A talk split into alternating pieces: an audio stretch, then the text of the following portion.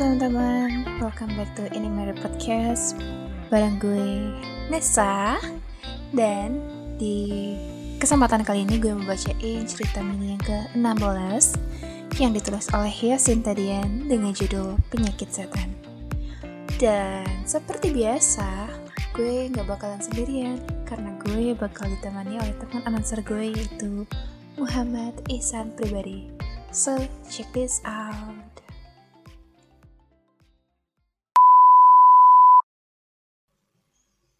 Penyakit setan. Pada awal tahun 2019, aku terdiagnosa Graves disease. Aku tidak bisa bekerja selama dua bulan dan harus mondar-mandir ke rumah sakit untuk mendapatkan perawatan kesehatan akibat penyakitku ini. Pada saat itu, aku kira aku sudah berada di titik terendah dalam roda kehidupanku. Akan tetapi, ternyata Tuhan memiliki kehendak lain. Aku baru saja mulai bekerja kembali selama tiga hari sebelum mendapatkan pukulan kehidupan lain. Ayahku sakit. Aku tidak tahu penyebabnya. Di suatu pagi, seperti hari kantor biasa, aku melihat ayahku sedang menyiapkan sarapan pagi. Namun, aku melihat ada yang aneh. Ayahku mengenakan jaket, masih setengah tertidur. Aku bertanya kepada ayahku, "Bapak sakit?" Ayahku menjawab hanya dengan anggukan ringan. Saat itu, aku kira mungkin ayah hanya sakit ringan seperti masuk angin, jadi kulanjutkan aktivitasku. Setelah selesai mempersiapkan diri, aku pun kembali ke kamar ayah. Namun ternyata ia kembali tertidur. Aku pun membangunkannya dan bertanya, "Pak, Bapak sakit? Ayo ke RS." Ayahku segera membuka mata dan terlihat bingung dengan pertanyaanku. Apa? Siapa yang sakit? Aku pun tertawa. Aku kira ayahku sedang bercanda kepada aku. Lah, tadi kan bapak bilang sakit. Enggak. Akan tetapi, aku melihat jam di dinding dan menyadari bahwa waktu telah menunjukkan pukul 6 lewat 14 pagi. Ayahku biasa berangkat kerja pukul 6. Jadi aku bertanya lagi. Bapak, enggak berangkat ke kantor? Masih sambil tiduran di kasur dan mengenakan jaket, ayahku bertanya. Sekarang jam berapa? Jam 6 lewat 14. Oh,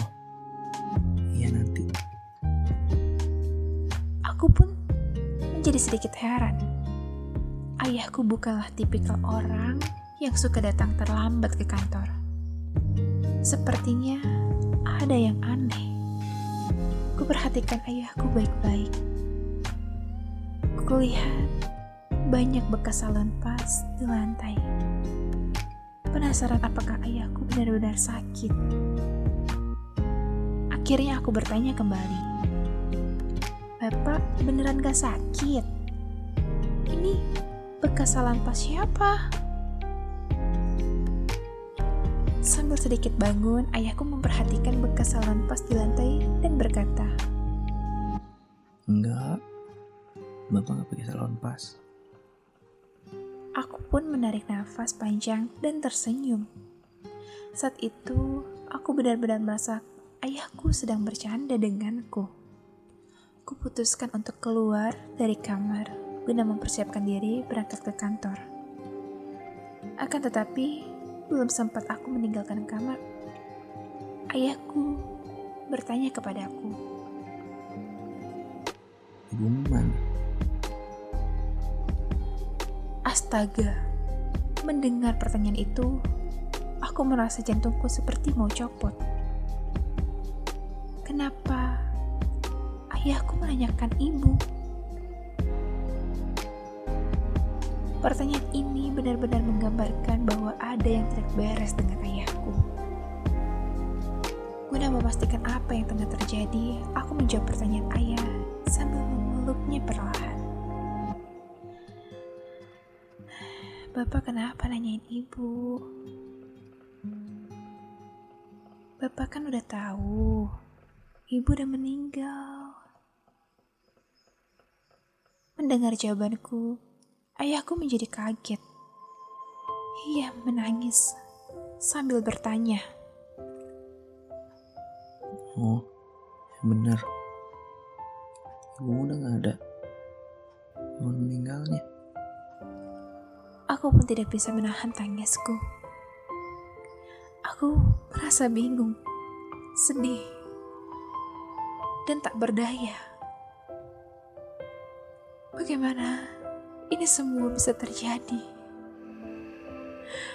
Apa yang sedang ia derita? Seperti halnya ayahku, aku pun shock. Aku tahu harus segera membawakan dengan cepat ke rumah sakit. Tapi bagaimana caranya?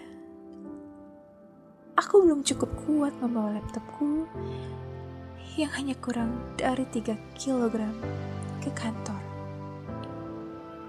Bagaimana caraku membopong ayahku yang beratnya sekitar 80 kg secara aman ke dalam mobil? Bagaimana jika ia terjatuh di jalan? Lalu, bagaimana caranya aku bisa membawanya ke rumah sakit? Akibat penyakit Graves disease, kakiku sering kali bengkak dan aku belum mampu menyetir mobil kembali. Tidak ingin sesuatu yang buruk terjadi, aku pun memaksakan diri memboyong ayahku ke dalam mobil. Untungnya, ayahku masih sanggup berjalan pelan-pelan. Tak kuhiraukan rasa nyeri di kakiku. Kubawa ayahku mengarungi macetnya lalu lintas kota Jakarta. Ingin sekali kukibarkan bendera putih ke udara. Karena tidak tahan dengan rasa nyeri di kaki dan detakan genderam jantung yang tak beraturan. Namun semua itu kutahan. Kukuatkan tekadku demi ayahku tercinta. Tak peduli bahkan kalau kakiku perlu diamputasi karenanya. Tak akan kubiarkan ayahku melupakanku dan semua keluargaku. Tak akan kubiarkan penyakit-penyakit setan ini menggerogoti aku dan keluargaku. aku tidak akan menyerah. Sekalipun Tuhan mungkin sudah menyerah pada kami. Setelah sampai di IGD rumah sakit, petugas medis segera memeriksa, melakukan serangkaian pemeriksaan. Setelah menunggu cukup lama, Dokter pun menjelaskan bahwa hasil tes menunjukkan terdapat beberapa penyumbatan di otak yang menyerang memori ayahku, sehingga menyebabkan ingatan ruang dan waktunya terganggu. Ayahku diharuskan untuk menjalani rawat inap beberapa hari, dan kemungkinan memerlukan cuci otak atau DSA untuk memperlancar penyumbatan yang ada.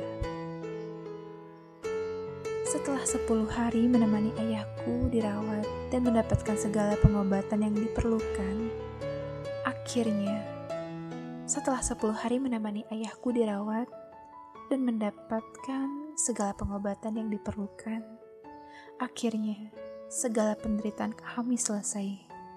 Aku diperbolehkan pulang. Semua ingatannya yang kacau walaupun semakin hari semakin membaik dan penyakit setan itu akhirnya kami kalahkan.